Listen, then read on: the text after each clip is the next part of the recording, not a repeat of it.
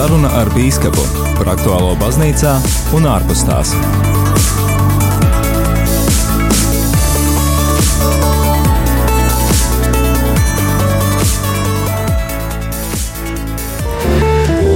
Kāda ir situācija Rīgas garīgajā seminārā, kad ir noslēgusies uzņemšana? Kāds ir Latvijas biskupu konferences skatījums uz plašsaziņas līdzekļos plaši izskanējušo ažiotāžu ap kalna svētību kopienu Bruknā? Vai Latvijas draudzēs kaut kas būtu jāmaina nesena Vatikāna klēra kongregācijas izdotā dokumenta draudzes pastorālā atgriešanās baznīcas evanģelizācijas misijas veikšanai gaismā? Ko darīt, ja draudzes prāvests sistemātiski kritizē pāvestu Francisku? Par šiem un citiem jautājumiem ikmēneša raidījumā saruna ar bīskapu. Esiet sveicināti, dārgie klausītāji! Ēterā es Māris Veliks un ar prieku studijā sveicinu Rīgas arhidiecēzes palīgu bīskapu Andri Kravali slavēts Jēzus Kristus. Mūžīgi mūžos, dārgais Māri! Sirsnīgs paldies, ka radāt šovakar iespēju būt kopā ar klausītājiem un arī palīdzēt iedziļ, iedziļināties jau nu pat pieteiktajās tēmās. Un Dargo klausītāji, es vēlos arī tevi uzrunāt raidījuma ievadā un atgādināt arī par tavu iespēju iesaistīties šajā raidījumā. Droši vien tev nav tik bieži dota iespēja uzrunāt kādu biskupu un pajautāt to, kas interesē tevi. Tādēļ izmanto šo iespēju, atgādināšu par kontaktu informāciju. Savus jautājumus varat noformulēt un sūtīt īsiņas veidā uz numuru 266, 77, 272. E-pasts ir studija at rml.clv. Raidījuma noslēgumā mēs arī atvērsim telefona līnijas, bet, eh, ekscelence, vēlos sākt ar jautājumu par Rīgas garīgo semināru. 20. augustā notika jauno studentu uzņemšana seminārā, un cik man zināms, tad pirmajā kārtā neviens nepieteicās, bet pateicoties tam, ka pieteikšanās tika pagarināta līdz 1. septembrim, tad mēs varam būt pateicīgi par vienu vismaz semināristu. Un eh, es zinu, ka kāds no Latvijas eh, portāliem arī to nokomentēja virsrakstā jaunieši nevēlas būt katoļi priesteri, vai tiešām nevēlas, kā jūs to komentētu? Jā, paldies par šo jautājumu, kas man eh, personīgi ļoti tūs. Arī šodien es atgriežos no garīgās semināra, man tur bija nodarbības. Un man personīgi doties uz semināru tie vienmēr ir svētki. Tā ir mācība iestāde, kas kopš neilga laika ir kļuvusi starp diecēžu iestāde, mācību iestāde. Tas nozīmē, ka par šo iestādi atbildību nes visi biskupi, un mēs visi baznīca esam ieinteresēti aicinājumos, un, ja tā konkrēti par statistiku runājot, tad pat labi ir 13 latviešu semināristi. Un, kā jau tas sacīja, pirmā kursā tieši no Marijas Magdalēnas draudzes iestājās arī mums eh, kalpotājs Mārcis. Mēs ar viņu lepojamies, priecājamies. Un ir arī pieci studenti, tātad, kas nāk eh, no neokatekumināta kustības, kas ir francūzis, lietuvietis, polis un, ja nemaldos, no Latvijas kontinenta. Viens Tad eh, kopā viņi būs 18 studenti uz doto brīdi, tātad Rīgas garīgā seminārā. Vai jaunieši grib eh, kļūt par priesteriem? Nu, nenoliedzami Dievs visos laikos aicina savus ļaudis. Eh, Jānis Boskos saka, ka īstenībā katram trešajam jaunietim Dievs piešķir aicinājumu, bet par nožēlu dažādi apstākļi to noslāpē, traucē saprast, vai vienkārši nav attiecīgas līdzgaitniecības. Un par to es labprāt arī tiešām parunātu, jo ir arī spēcīgas, skaistas, pozitīvas zīmes. Protams, šī aicinājuma problemātika un izaicinājums arī skar ne tikai Latvijas katoļu baznīcu, bet arī uh, visu pasauli. Mēs redzam, pat Polijā ir aicinājumu kritums, Bet es domāju, ka tieši tāpat kā ir krīze sabiedrībā, ir krīze ģimenei, un tieši tāpēc baznīca tik daudz arī iestājās par um, ģimeni, pārdomā arī par uh, draugu pastāvālo darbu, lai uz šo jautājumu censtos atbildēt. Protams, ekscelence, mēs gribētu, lai tā ziņa, kas izskanētu mēdījos, ir tā, ka šogad seminārā uzņemti piemēram 16 vai vēl vairāk studenti. Viens, nu tā kā diezgan maz, un ko varētu darīt, lai šos aicinājumus veicinātu, vai ir varbūt kāds plāns par kādu kādu jauniešu aicinājuma pastorāli, vai kā, kā to attīstīt un ko mēs varētu darīt Latvijas diecēzēs, lai to situāciju risinātu? Nu, es mazliet pastāstīšu, kas pat labam tiek darīts, tāpēc, ka šis gads ir īpašs, tātad uh, mēs svinēsim Rīgas garīgās semināra simtgadi, un ir vesela virkne pasākumu, piemēram, pirmais no tiem jau būs 5. Uh, oktobrī, kad uh, seminārs atvērs savas durvis tiem, kas ir mācījušies garīgā seminārā, iznāks arī tāda dokumentālā filma par semināra vēsturiem, pie kuras strādā daudz garīdznieki. Priesteris Juris Elinskis, kas ir nu, atbildīgs un eh, šo svinību koordinators, ir iesaistījis daudzus garīdzniekus, daudzus lajus. Top arī grāmata par garīgo semināru. Protams, nu šeit mēs varam teikt, nu, Bīskap, jūs skatieties pagātnē, jūs runāsiet par pagātni, par vēsturi, bet tie ir instrumenti, kas šodien atgādinās, uzrunās, un īpaši šeit grib runāt par tādu ekspozīciju, kas arī vēlāk varēs ceļot no draudzes uz draugu, lai cilvēkiem labāk palīdzētu apzināties priesterisko kalpošanu. Ja mēs pajautātu draudzēs eh, ģimenēm, piemēram, cik daudz vecāki lūdzas, lai viņu bērni kļūtu par priesteri, Tas nav slikts jautājums, ko arī radioklausītāji tagad var arī pārdomāt, cik mēs esam gatavi un vēlamies jau audzināšanas procesā nu, tuvināt, palīdzēt saprast, izskaidrot šo aicinājuma dāvanu, ko Dievs piešķir. Pavisam nesen biju Elkas diecēzē, un tur mani pārsteidza skaista iniciatīva. Katru mēnesi no dekanātiem dodas vidusskolnieki, jaunieši, e, kāda priestera pavadībā, un vienu vakaru pavada seminārā. Viņiem ir dievkalpojums, sadraudzības laiks, konference un arī iespēja iepazīt semināru. Arī katru gadu ir atvērto durvju dienas, kas dod iespēju cilvēkiem iepazīt. Un es domāju, ka ir daudzi dažādi faktori, pie tā strādā gan diecēzes priesteri, gan eh, par aicinājumu jautājumu ir nodarbināti arī eh, kongregāciju un klosteru ļaudis. Arī viņiem šis jautājums nepaiet vienkārši garām. Protams, eh, manuprāt, ļoti svarīgs ir arī dzīves svētums, ko priesteri aicināti dot ar savu kalpošanu. Svarīgi ir būt dialogā, spēt uzklausīt, sadzirdēt jauniešu vajadzības, e, būt kopā ar viņiem, viņus pavadīt. Tas pats Jānis Bosko, kam ir liela autoritāte tieši jauniešu vidū, saka, ar to vien nepietiek, ka jauniešus mīl, jauniešiem jāredz un jāatklāj, ka Jēzus viņus mīl.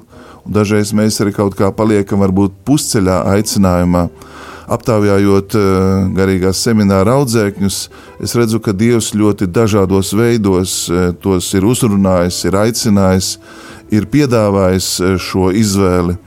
Un um, aicinājums patiešām tā ir arī tāda nu, iespēja pārliecināties, vai tas, ko tu domā, pēc kā tu ilgojies, uz ko tu ej, vai tas tiešām uh, arī ir tavs aicinājums, tāpēc tas ir šis pārbaudas uh, laiks. Uh, Manuprāt, ļoti mm, svarīgi ir eh, dzīvot sevis eh, atdošanas, dāvināšanas loģikā.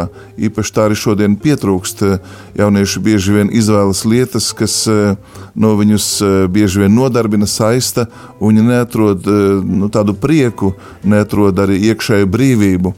Un tieši tāpēc ceļš uz priesterību nav vienkāršs. Tas prasa gan atteikšanos, gan Eh, konkrētu dzīvesveidu izvēli, tas prasa mīlestību uz baznīcu. Jūs minējāt to atteikšanos un konkrētu dzīvesveidu, un, uh, protams, es nevaru to apgalvot tā varbūt statistiski, bet, uh, ja man būtu jāmin, kas līdzās dažādiem citiem apsvērumiem ir viens no tiem būtiskākajiem biedēkļiem, kas varbūt kādu puisi, kurš domā, nu, varbūt varētu kļūt par priesteri, varbūt kādā brīdī arī mm, liek tā domāt, vai es to spēšu, uh, Eh, proti šis eh, aicinājums dzīvo uz dzīvi celibātā, un eh, varbūt kāds var domāt, nu jā, it kā varētu būt par priesteri, jā, bet nu tad es nedrīkstēšu dibināt ģimeni.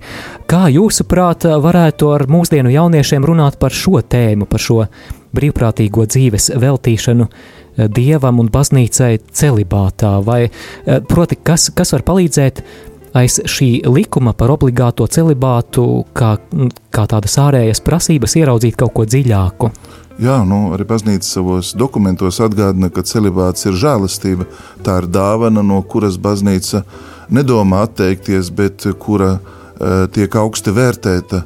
Tas nekad nav īstenībā par uh, nastu vai apgrūtinājumu, bet tas uh, priesteri un šī gadījumā semināristu kandidātu uz priesterību vairāk pielīdzina Kristum, kurš dzīvo eh, pašatdevē, kurš arī eh, ir aicināts eh, nu, nest krustu, domāt par otra labumu, saprast, ka viņš kļūst par ganu dieva tautai, ka viņš būs tēvs, garīgais tēvs, ka viņš savu dzīvi nesadala un sekojot apakšļa Pāvila pamudinājumam, viņš eh, vēlas būt brīvs, pilnā mērā piedarot Kristum. Ja jūs jautājat, kas varētu palīdzēt jauniešiem, ja jau jaunieši neatrod atbalstu ģimenēs, es domāju, ka viņiem būtu ļoti svarīgi runāt ar priesteriem. Svarīgi ir apmeklēt arī nometnes, eh, rekolekcijas. Tūlīt eh, pēc nedēļas iesāksies, piemēram, Samuela grupa šeit, kur gada garumā jaunieši un jaunietes pārdomā savu aicinājumu. Un dažreiz varbūt jaunietis viens nonāks ļoti pie skaidra redzējuma, ka tā ir ģimene, uz ko viņš ir aicināts. Un arī šī atbilde ir ļoti laba. E, tas, kad mēs varētu šeit runāt un teikt, ka arī puse no mm, ģimenēm, kas uh, dzīvo kā, cenšas dzīvot kā ģimenes, nav noslēguši laulības. Arī tur ir tieši tas pats jautājums, ka jaunieši baidās uh, spērt šo soli, uh, baidās uzņemties atbildību, un arī nu, sabiedrība dzīvo nu, tā ar tādu vienreizējo lietošanas lietu kultūru, kas īstenībā ļoti traucējoša pieņemt lēmumu. Tas prasa tiešām tādu nu, mērķiecīgu darbu, līdzgaitniecību. Uh, tas prasa arī draudzēs pastorāli, kur ir cilvēki, kas, kuriem tas rūp, kas ir kompetenti, kas ir gatavi pavadīt. Un ar vēl es pateikšu, vienkārši mēs jau neesam klātesoši kā baznīca uh, universitātēs, kur bieži vien jaunieši stāv izvēles priekšā, cik tad mums ir šo uh, katoļu skolu, uh, kas varētu sekmēt un palīdzēt jauniešiem padomāt par šo aicinājumu. Un pārdomāt, kā jaunieši tiek aicināti, runājot ar garīgā semināra audzēkņiem, es redzu, ka Dievs ļoti dažādos veidos, pa dažādiem ceļiem spēj uzrunāt, iededzināt sirdī šo vēlmi iedegt. Un uh, arī jaunieši meklējot, arī nonāk pie, pie, pie šī ceļa un cenšas uh, semināra laikā saprast, vai tiešām tas ir Dievs, kas viņus aicina, vai viņi ir gatavi pilnā mērā, nu, kā tu saki, uh, ziedot savu dzīvi, arī dzīvot sirds šķīstībā. Bet, eh, kā saka Māte Terēza no Kalkutas, sirds šķīstība nenozīmē neprecēties, bet tas nozīmē pilnībā piederēt Dievam, mīlēt Dievu ar nedalītu sirdi. Tas nozīmē ziedoties, veltīties kaut kam, kas eh, ir augstāks par tevi un kas reizē tevi aicina un kurā tu atrodi brīvību, piepildījumu, savu mieru. Tā tīri teorētiski domājot par šo tēmu un par to, ko jūs runājat, nāk prātā, ka varbūt eh, kādam no klausītājiem var tūdaļ arī rasties jautājums, eh, vai ekscelence jūsuprāt šis salīdzinoši nelielais semināristu skaits ne tikai Latvijā, bet arī jūs minējāt kopumā rietumu pasaulē, vai tā nav kaut kāda arī laika zīme baznīcai padomāt un atkal izvērtēt, vai tieši nevis pats celibāts kā aicinājums, bet kā šī obligātā prasība, vai tas nebūtu pārskatāms? Es domāju, ka uh, prasība? Drīzāk nē, bet es piekrītu, ka ir jāpārskata varbūt eh, draugu pastorāle, jāpārskata varbūt eh, tā, kā mēs veicinām aicinājumus, vai mēs spējam vienmēr tos izšķirt, vai mēs pietiekoši spējam arī atklāt eh, aicinājuma skaistumu. Un es domāju, par to raidījumu izskaņā mēs noteikti runāsim, atgriežoties pie šī eh, pastorālā norādījuma dokumenta, kas mums eh, šodien ir viena tēma. Jā. Bet, Manuprāt, te ir radikālisma jautājums. Kristus arī nevienu nespiež sarunā ar bagāto jaunekli.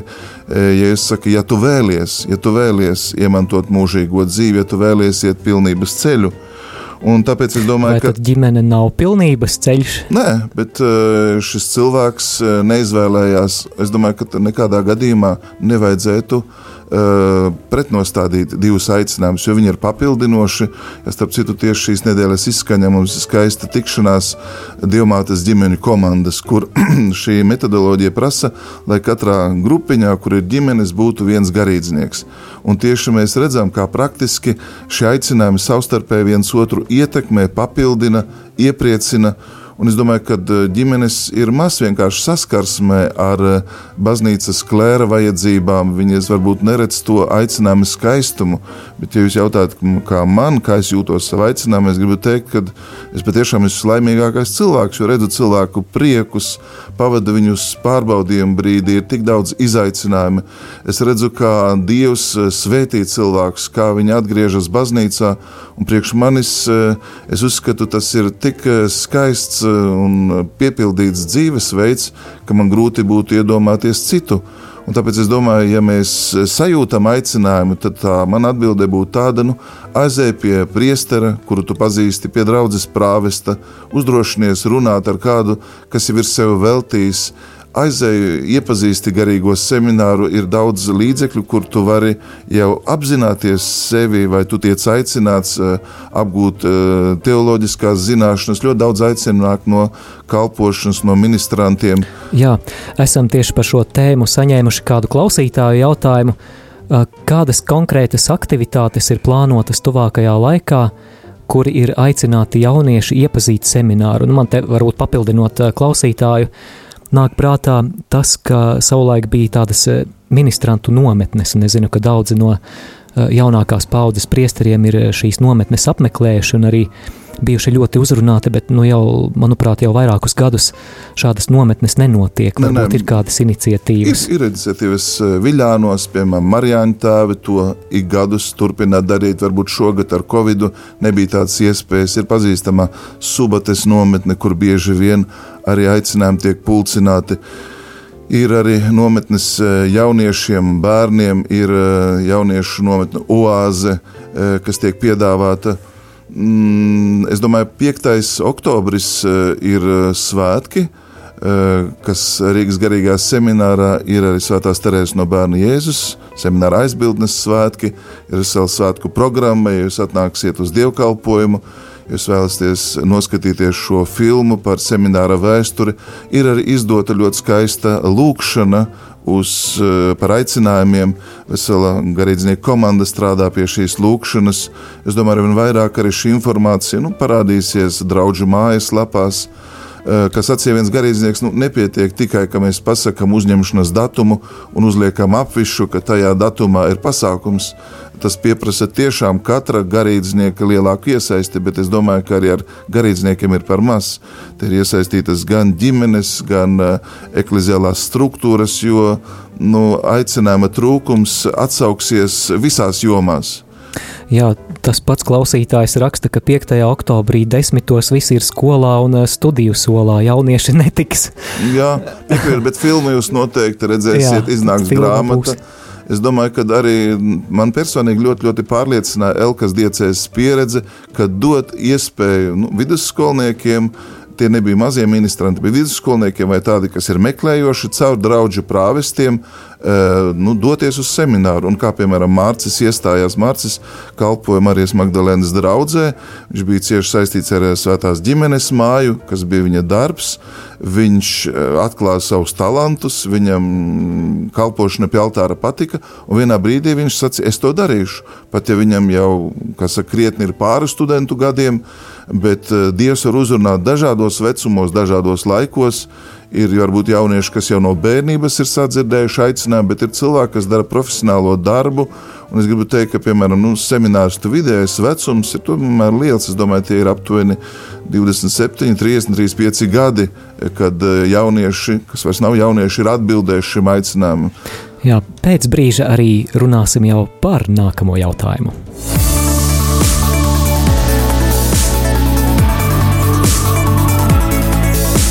Saruna ar Bīskapu par aktuālo baznīcā un ārpus tās.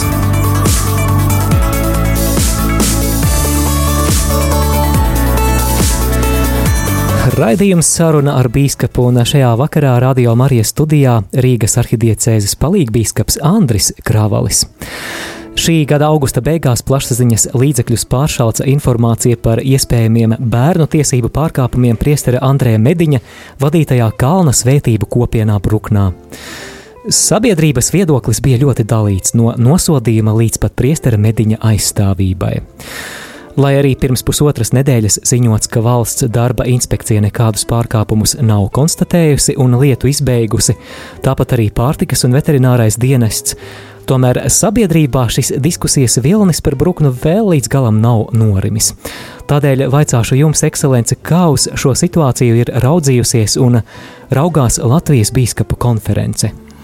Jā, paldies par šo jautājumu. Tieši 29. augustā Biskupu konference parakstīja tādu vēstījumu, kas gan izskaidro situāciju, kas e, augstu novērtē Priestera Andrēja Mediņa veikto darbu, bērnu e, atkarīgo cilvēku pastorālis e, tādā labā un viņu, viņu garīgās dzīves celšanās un, un, un vispār kādā veidā tad nu, mēs varam palīdzēt, iet kopā ar šiem bērniem un arī tad, tad, tiem, kas iziet šo rehabilitācijas kursu. Un, tas bija dokuments, kas tika izstrādāts, ņemot vērā arī to pieredzi, rezultātus un arī sabiedrības augsto novērtējumu, kāds ir bijis līdz šim. brīdim kāpēc eh, mēdīji varbūt eh, to tā ir paņēmuši kā tādu savu karogu, ar kuru viņi eh, bieži vien nepārbaudot faktus, mēģina manipulēt. Tas varbūt ir cits jautājums, un uz šo jautājumu īstenībā nu, arī biskupi cenšas atbildēt, sakot, nepārsteigsimies ar secinājumiem kas man personīgi uzrunā. Man nebija iespēja būt uh, preses konferencē, kas notika Brūknā, vairāk kā divas stundas gara, bet tā ir noskatāma. Un tur arī pats priesteris Andrejs Mediņš izskaidro, runā ļoti pārliecinoši, mazliet eh, pārsteidzoši, cik tendenciozi tas tika atspoguļots uh, ar izgraizītiem fragmentiem uh, dažos plašsaziņas līdzekļos bet eh, tā jau ir tad, nu, cilvēku izpratne par šo situāciju. Es gribu teikt, arī sava veida manipulācija, eh, ko tad mēs izceļam vai aizmirstam visu labo. Atgādināšu arī, ka uh, eh, Priesterim Andrejam Mēdiņam taču bija piešķirts arī uh, Latvijas lepnuma balva, un vai tiešām uh, sabiedrība ir pārskatījusies, un kur bija žurnālisti pirms tam. Es gribu teikt, ka arī uh, cilvēki, kuriem ir atkarības, nevienmēr ir spējuši atgūt līdzsvaru, nevienmēr spējuši piedot, atrast sevi, un tie ir ievainoti cilvēki. Un, ja mēs gribam savus spriedumus uh, veidot tikai no šādu cilvēku liecībām, tad arī mēs bieži vien kļūdāmies. Un arī, manuprāt, šāda kļūda bija arī patiesībā pieļauta, kad bez jebkādas filtrēšanas, uh, jebkurš viedoklis, kas parādījās, bija labs, tas eh, parāda arī eh, šodienas mēdīju tādu nu, eh, brieduma trūkumu, negatīvību.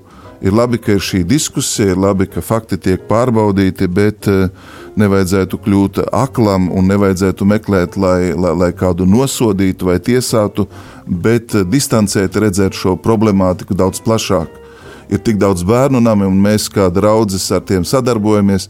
Mēs zinām, kāda tur ir situācija, pietiek parunāt ar atbildīgiem bērnu namos, kāda ir šī problemātika, ar ko viņi saskarās. Un es domāju, ka drīzāk vajadzētu priecāties par šo nu, darbu, ko vecāki kopā ar saviem bērniem, kad viņi nespēja tikt galā vai arī ko baznīca caur evaņģēlīja vēsti mēģina īstenot eh, tajos cilvēkos, kuri bieži vien ir atmesti, nepieņemti, nostumti, marginalizēti. Tad baznīca šeit tiešām parāda tādu sociālo uh, rūpi, uh, un evaņģēlisku attieksmi, vēlēdamies eh, satikt mazos.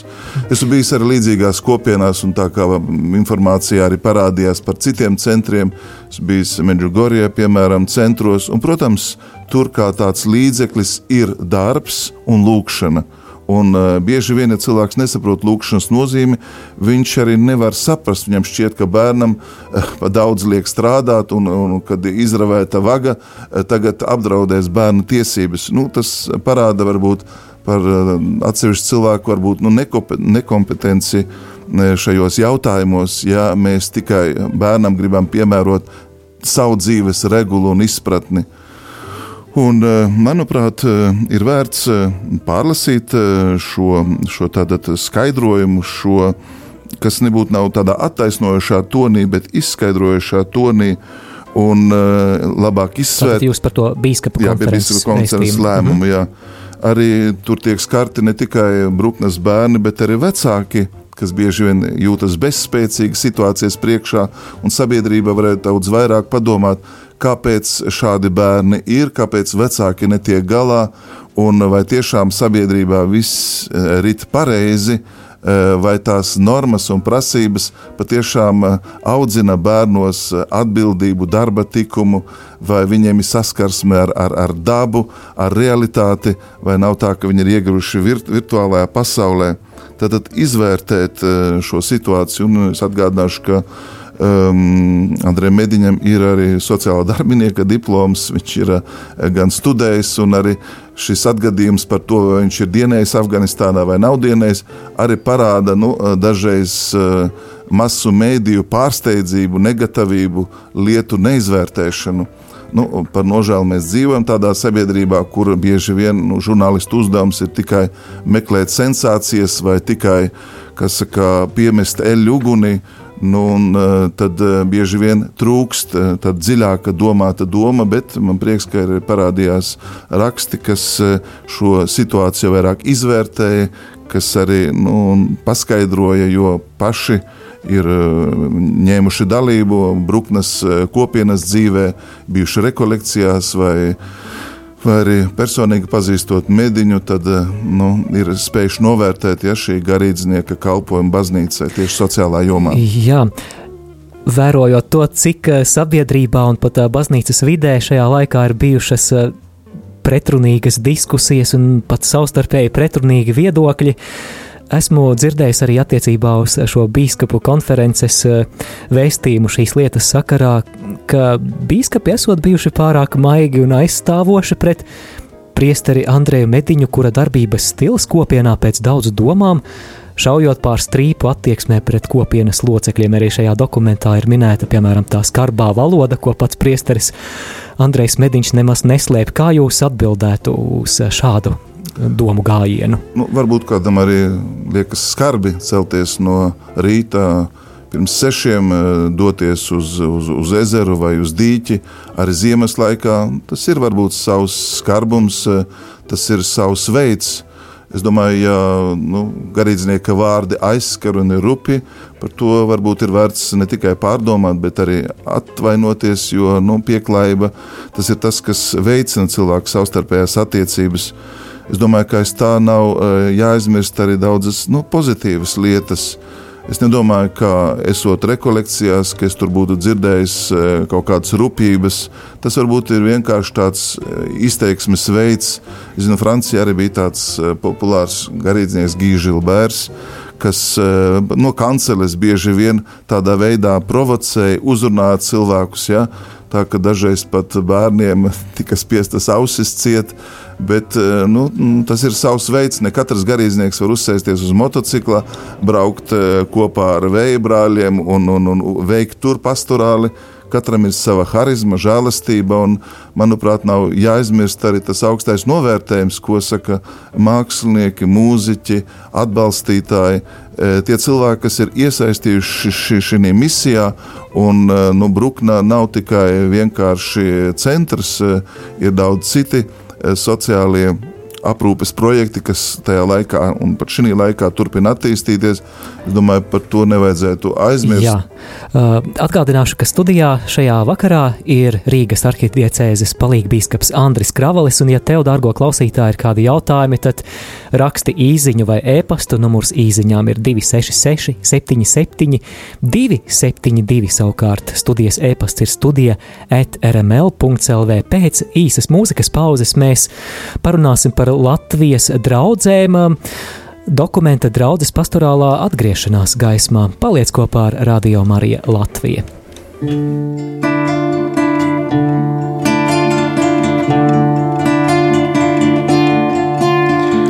Kristus dvēsele dari mani svētu, Kristus miesā atpestī mani, Kristus asinis dzirdiniet mani, ūdens no Kristus sana mazgā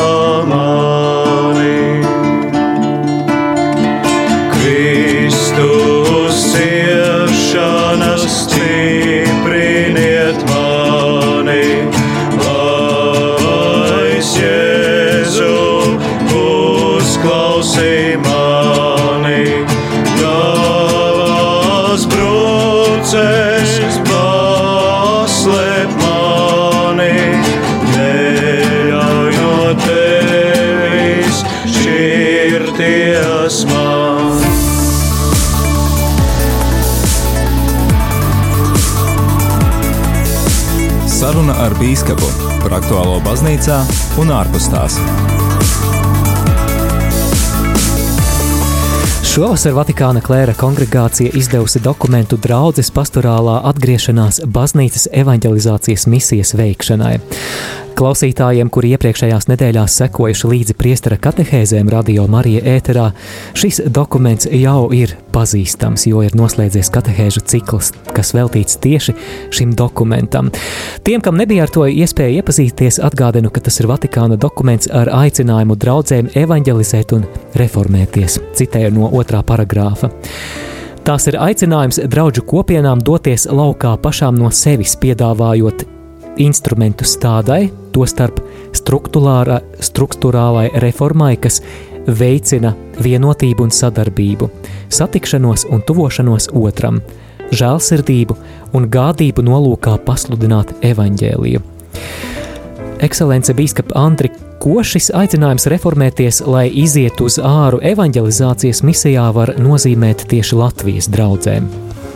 Jā, nu, pirmkārt, tā pozitīvā ziņa, ka bīskapi un jau arī garīdznieki ir nu, iepazinušies ar šo dokumentu, un prieks, ka radījuma arī jau to komentē.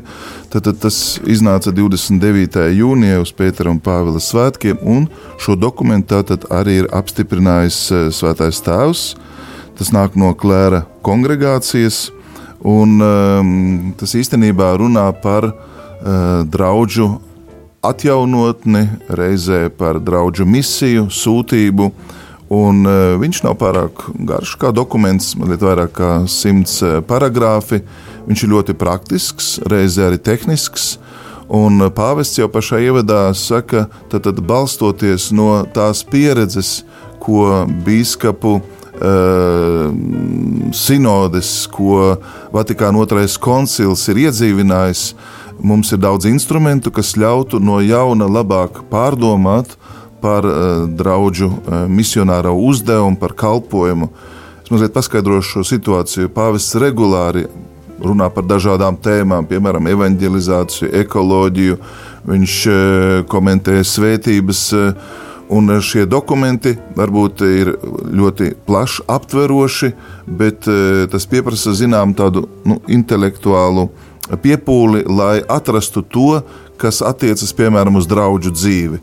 Jā, bet tieši par tām Latvijas draugiem, kas jūsuprāt būtu jādara, lai Latvijas draugs varētu attīstīties tieši šajā virzienā, uz ko norāda šis dokuments? Nu, pirmkārt, es gribēju mazliet tā kā ievadā paskaidrot, ka runa nav šeit tikai vienkārši par draugiem, bet eh, dokumenta otrajā daļā, noslēgumā, tad dokuments vēršas pie visiem pie biskupa, prāvesta, eh, priestera, konsekrētā, pie diakona, pie laja un atgādina un formulē tos uzdevumus, aktualizējot to, ko jau baznīcas maģistērijas ir pateicis. Un īpaši tātad ir uzsvars uz to, ka eh, tā kā ir eh, stipri izmainījušies laiki, kuros mēs dzīvojam, komunikācija ir izmainījusies, arī dzīvesveids kā mēs dzīvojam, tad ir jauni izaicinājumi draudzēm.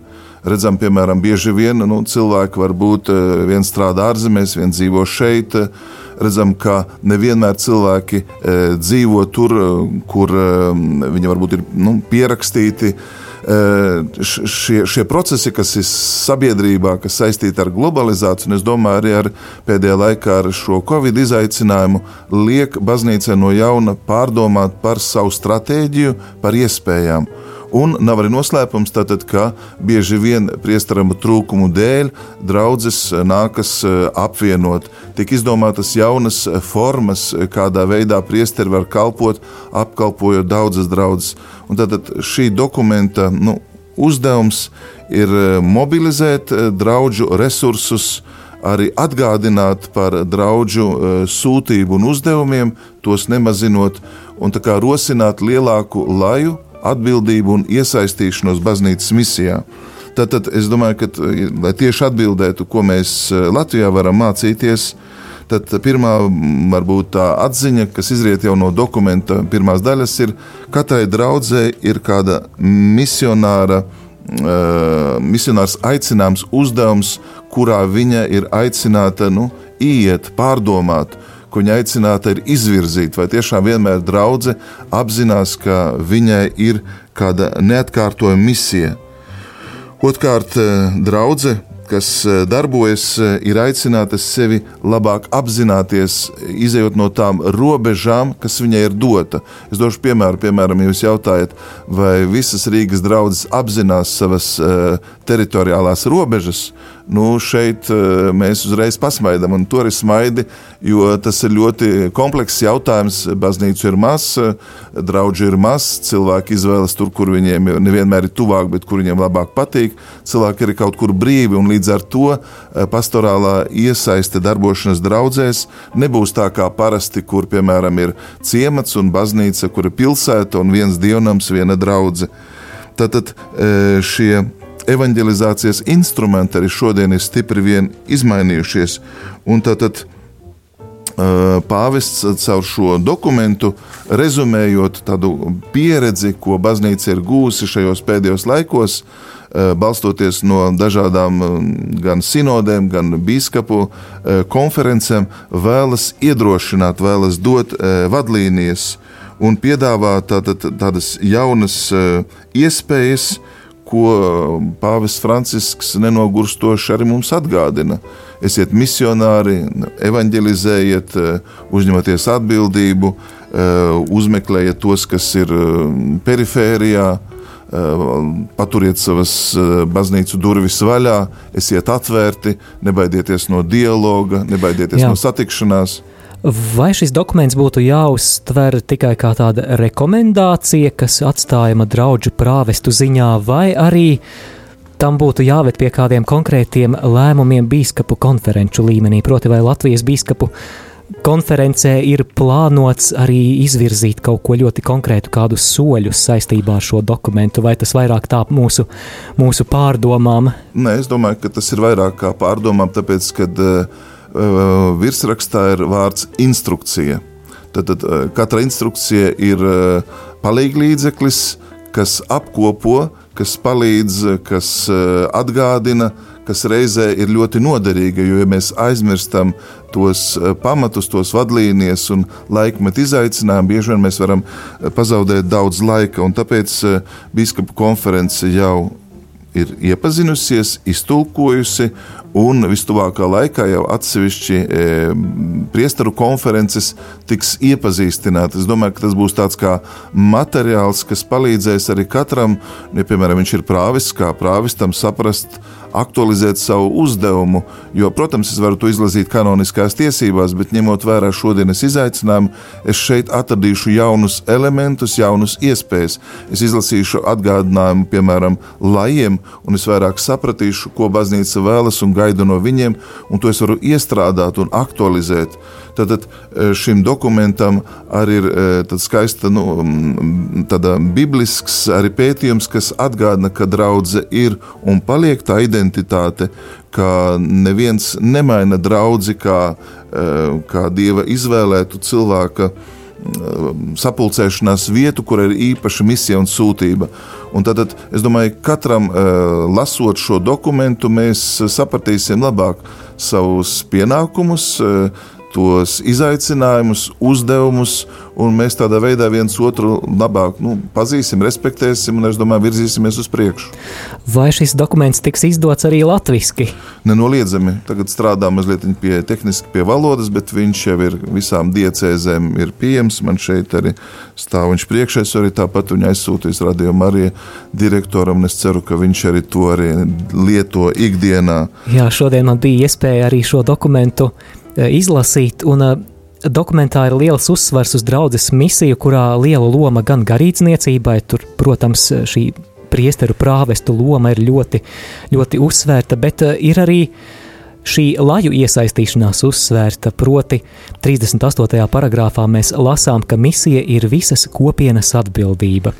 Un varbūt, ka te daļa radio klausītāja varētu teikt, jā, mēs jūtamies iesaistīti draudzes misijā, mums ir uzticēti kalpojumi, bet kādi citi klausītāji varētu teikt, visas kopienas atbildība, nu, mūsu prāvests misē pat lasījumus neuztic mums lasīt, un ko darīt tad, ja ārpus dievkalpojumiem Draudzē nenotiek nekādas citas aktivitātes, un lajiem varbūt nav iespēja izpausties ar tām dāvanām, kas viņiem ir dotas. Kā rīkoties tādā gadījumā?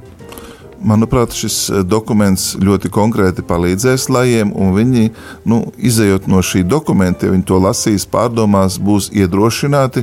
Viņiem ir jāiet, varbūt arī runāt ar savu prāvestu, piedāvāt tās jomas, kur viņi paši ir gatavi kalpot, iesaistīties, strādāt.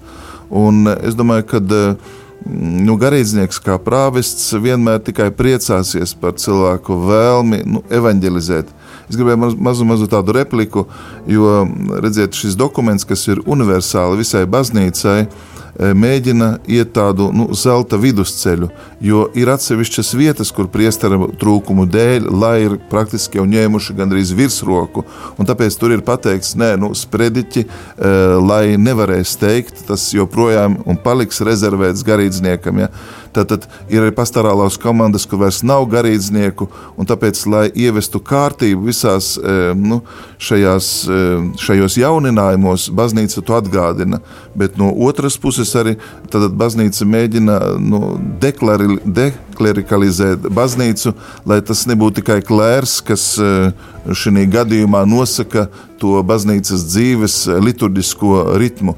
Un tāpēc ir runa par gan pastorālām padomēm, gan e, dažādām komitejām, struktūrām, organizācijām, kas e, garīdzniekam, kas prāvestam var ļoti palīdzēt pie draudzes. Un ja viņš nu, par to nedomā, es domāju, ka tad e, ir varbūt arī nu, vērts, e, kad ir iespējams parunāt ar bīskapu par šīm formām, par šīm jaunām iniciatīvām. Eh, mēs varam ar tām dalīties citās draudzēs. Es domāju, ka eh, nu, garīdznieki nebūs tik aizvērti un, un, un, un negribīgi, ka viņi nevēlētos ievest kaut ko jaunu, ja tas nu, atbilst tiešām baznīcas sūtībai un misijai. Jūs nu pat minējāt pastorālās padomes. Mēs šī dokumenta desmitajā nodaļā lasām par ekleziālās līdzatbildības struktūrām, un šīs pastorālās padomes kā tāda padomdevēja struktūra ir viena no tām, te ir arī minēta draudzes ekonomiskā padome, un vispār uzsverot šīs struktūrālās reformas, šeit ir, eh, jā, tātad šīs struktūrālās reformas, un eh, jautājums, vai Latvijā kaut kas tāds taps, vai, vai Latvijā draudzēs būs šīs eh, ekonomiskās padomes un pastorālās padomes. Es gribu teikt, ka nu, šeit mūsu arhibīskaps uh, bija tiešām uh, pravietiski iedvesmots krietni vien pirms šī dokumenta iznākšanas, jo viņš jau vēlējās un uzticēja dažiem priesteriem, kanonistiem, lai draudzē tiktu uh, izveidoti draudzes statūti. Uh, Un statūti ir kaut kas tāds, kas jau ir nu, nevis kā rekomendācija, nevis kā instrukcija vai ieteikums, bet tā jau ir sava veida nu, draudzes dzīves satversme. Un tātad šajā satversmē, jeb šajos statūtos, tad dara audzē, nu, apzinoties labāk savu misiju un lai viņa atbilstu nu, gan tam, kas ir pateikts šajā dokumentā, gan savai universālai sūtībai, būs konkrētas prasības. Caur ko tad arī biskups nu, varēs pārliecināties, vai draudzene ir ņēmusi to vērā, vai šāda, piemēram, ekonomiskā padome pastāv. Bez uh, ekonomiskās padomes varbūt arī liturģiskā uh, komisija vai, vai, vai, piemēram, kalpošanas grupas vai ministrantu grupas. Ir ļoti daudz dažādu iespēju un iniciatīvu. Un, manuprāt, uh, visdrīzākā laikā tas tiešām parādīsies. Vismaz Rīgas diecēzē mēs strādājam pie šī dokumenta, ir garīdznieku grupa. Kad jau šie statūti būs gatavi, tad mēs viņus tiešām nu, mērķiecīgi katrs draudzē centīsimies īstenot, biskups kļūst arī par nu, garantu to, vai tas funkcionē, vai tas izdodas. Piemēram, pagājušā svētdienā bija eh, draugu dienas eh, Siguldas Romas katoļu draugzē. Ja, tad, tad man bija iespēja būt gadu iepriekš, ja, un tas vienmēr ļoti, ļoti iepriecina. Eh, tik dažādi kalpojumi, dažādas evanģelizācijas formas, draudzes dzīve ir padarīta tik, ja tā var teikt, no radoša, tik teikt, spēcīga caur to, ka cilvēki uzņemas atbildību, izvēlas kalpojumus un arī ar savām dāvanām, harizmām bagātina draugu.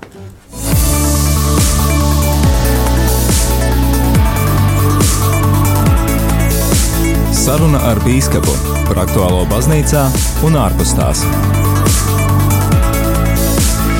Nākamo tēmu iesākšu nolasot fragment no kāda klausītāja vēstules.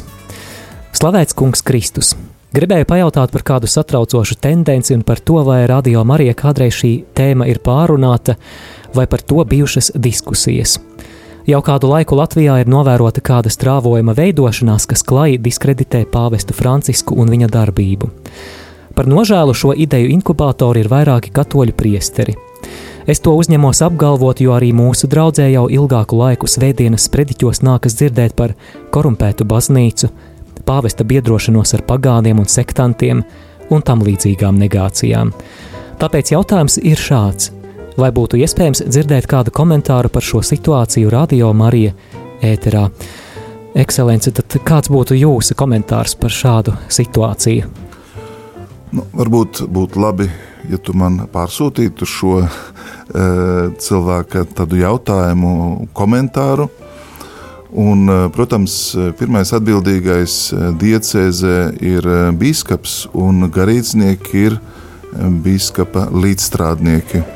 Un šeit es sagatavoju diezgan plašu apskatu par to, cik patiesībā tas ir nu, dramatiski sāpīgi, ja mēs publiski paužam kritiku pret Svēto Tēvu, jo īstenībā mēs darām pāri sev, baznīcai, Kristum, jo Svētais Tēvs ir baznīcas maģistērijas, kas mums skaidro ticības noslēpumu, kas mēģina to atklāt, darīt aktuālu.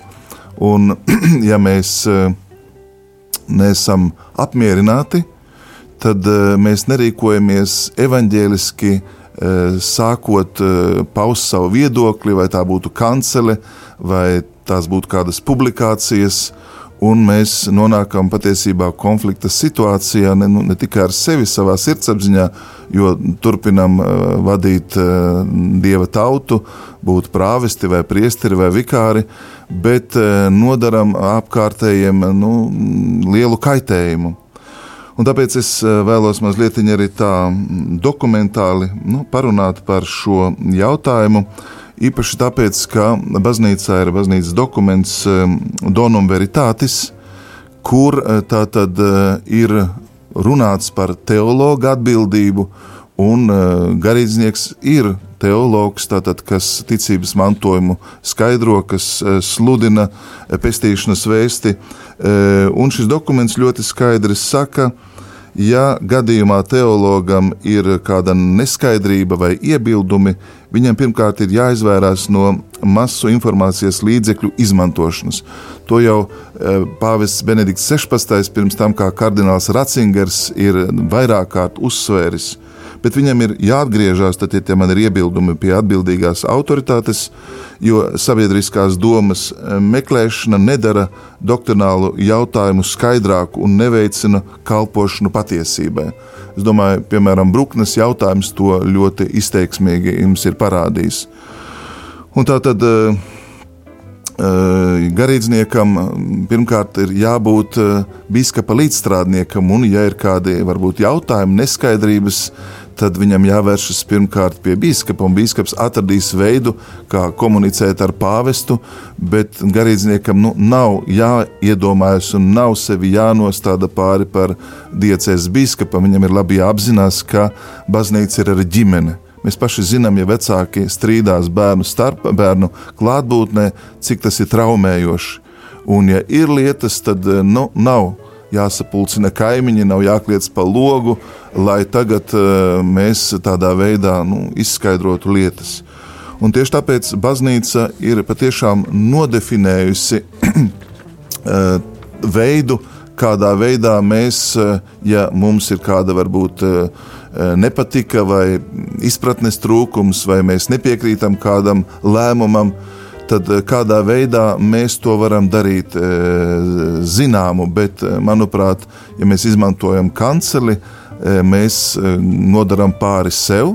Jo īstenībā mēs vairs neesam izējām no žēlastības stāvokļa, jo mēs iesaistām citus cilvēkus, mēs vairs nerīkojamies pastorāli, un mēs jau esam īstenībā nu, zem kanonu sankcijām, kanonisko tiesību sankcijām, kā garīdznieki. Tad, tad gribās atgādināt, ka pāvestam nu, saskaņā ar dieva iedibinājumu ir augstākā, pilnīgākā, tiešā un e, vispārējā vara dvēseli aprūpē. Un tieši tāpēc viņš ir kā vienotības garants. Un, ja mēs šeit, šajā gadījumā, nu, pauza, paužam savu, savu nepatiku, vai varbūt šaubas vai neizpratnes trūkumu, nu, tad e, mēs īstenībā neesam īstā konfesijā. Tad ir jāmeklē varbūt cita vieta, kur mēs varam e, tādā veidā, kā tas vēsturē jau bija piedzīvots, paust viedokļu, un mēs zinām, kurš šāds viedokļa paušana arī aizveda baznīcu. Tas ir sāpīgi, mēs turpinām par to lūgt un nožēlot grēkus, bet nekad tāda neauglīga kritika, īpaši, ja tas vēl ir liturģijā, kad uh, mēs esam aicināti nu, padziļināt ticības noslēpumu, uh, kad mēs pulcinām cilvēkus pie evaharistijas galda, kad mūsu pienākums ir sludināt Dievu vārdu, ja mēs iesējam cilvēkos šaubas, mēs e, nodaram pāri dvēselēm, dvēseli aprūpei, un es domāju, tad mēs nesam vienotībā jau ar saviem biskupiem. Tad mēs nesam e, koleģiāli ar priesteriem, ko mēs saucam par presbitēriumu, ja, tad, tad ar, ar pārējiem brāļiem. Un man gan grūti iedomāties, ka tāda nu, situācija varētu būt, bet cilvēks, ja viņš ir tik atklāti uzrakstījis šo vēstuli, viņam būtu pienākums arī par to runāt ar diecēs biskupu, ja kaut kur nu, tas ir pamanīts. Un es domāju, īpaši jau šodien, kad burtiski vēl četras dienas līdz tai dienai, kad mēs svinēsim Jāņa Pāvesta Franciska vizīti uh, Latvijā 24. septembrī tad es domāju, ka nu, svarīgi ir mīlēt pāvestu. Ja mēs nemīlam pāvestu, mēs nevaram pilnā mērā mīlēt Kristu, jo pāvests izpilda šo Kristus kalpa, Kristus sūtņa sūtību zemes virsū. Un tāpēc, lai Dievs varbūt palīdz, protams, arī biskupi ir iecietīgi, viņi ir aicināti būt tēvišķi, Eh, viņiem ir jāsargā dieva tautu no maldā, maldiem un vājībām, kas varbūt ir priesteru dzīvē, bet viņiem ir objektīvi jābūt vienmēr gataviem apliecināt patiesību. Jo nu, dieva tauta ir jādzīvo patiesībā, un patiesība dara cilvēku brīvu. Bet, ja es eh, tad, tad, eh, savu izpratni par patiesību nu, tādā veidā uh, paužu, Eh, izmantojot to, ka es kādu kritizēju publiski vai izmantoju kādus citus līdzekļus, eh, tad es nodaru pāri gan baznīcai, gan savam biskupam, gan arī savai dvēselē. Jā, tik tālu par eh, prāvestiem, kuri vēršas pret pāvestu, bet uh, varbūt jautājums tāds, ja varbūt kādam klausītājam vai kaut vai man personīgi, ja, ja pašam rodas varbūt kādas neskaidrības par kādu aspektu saistībā ar Vatikānā notiekošo, un, piemēram, piemēram, es nezinu, kā lai pamato varbūt kādiem maniem protestantu draugiem, kuri, kuri pārmet eh, to, ka katoļi pielūdz elkus, un, un es saku, ka nē, bet eh, tad viņi man parāda video pirms Amazonas sinodes sākšanas, kur ir performance Vatikāna dārzos ar pašam amas godināšanu, kas ir Amazonas dieviete, un ko darīt, ja, ja pašiem mēs tā kā iekšēji nonākam tādā strupceļā un mums rodās jautājumi, kā, kā to pamatot un kā, kā tas viss ierakstās tajā kopējā baznīcas kontekstā. Es teikšu, mazāk sēdēt internetā, vairāk būt dieva priekšā. Tas būtu pirmkārt. Es pats biju Austrālijā un redzēju, kā tika sagaidīts pāvests, kad arī aborigēni ar savu kultūru izgāja pāvestam pretī.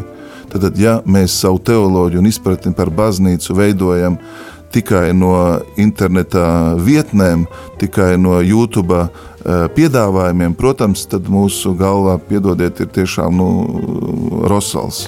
Tad mēs esam tik viegli ietekmējami un izraujot lietas no konteksta, mēs eh, ar tām izvirzam apsūdzības, nesaprotot, kāpēc, ko tā paša mama tajā situācijā eh, darīja.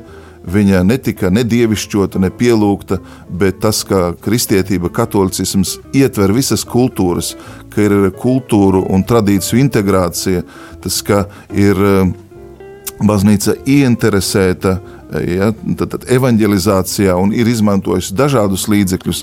Arī Latvijā jēzuīti nenocirta ozolu birzes, bet tieši tur uh, cēla baznīcas, tieši tur uh, gāja un satika cilvēkus. Un es to mācos arī no apustļa Pāvila, kas izvēlējās varbūt pat pagāniskās lūkšanu vietas, lai satiktu cilvēkus. Tāpēc tas nedod mums pamatojumu vai iemeslu.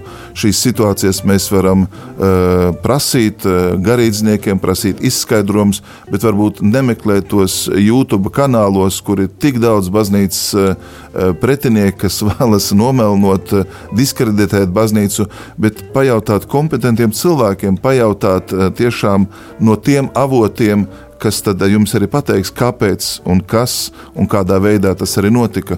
Es domāju, ka ir Jā. tik daudz dažādu pārpratumu. Un, eh, Paldies, Bīskap, Andri, mums ir tikai pāris minūtes, eh, lai nolasītu klausītāju īziņas. Te tāds komentārs slavēts Kristus atbalsta Bruknes kopienu un priestera mediņa lielo ieguldījumu šajā grūtajā darbā, lai Dieva žēlastība nāk pār viņu un aglonas diamāte ņem savā patvērumā.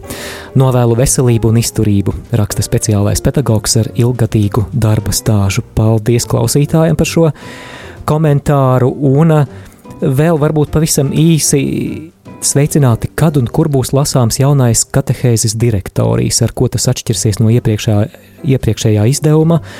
Un uh, Pāvests to apstiprinājis 23. martā, varbūt tā pavisam vienā teikumā. Vienā teikumā tas pat labāk tiek tulkots, viņš nav vēl gatavs, bet viņš pārāk daudz neatšķirsies no iepriekšējā. Ja jūs esat lasījusi, tad um, katehēzes nu, pamati, ja, katehizācijas pamati patiesībā tur jau ir pateikti. Viņš daudz balstās uz iepriekšējo, bet es domāju, ka nu, visdrīzākā laikā tas tiks iztulkots un būs pieejams.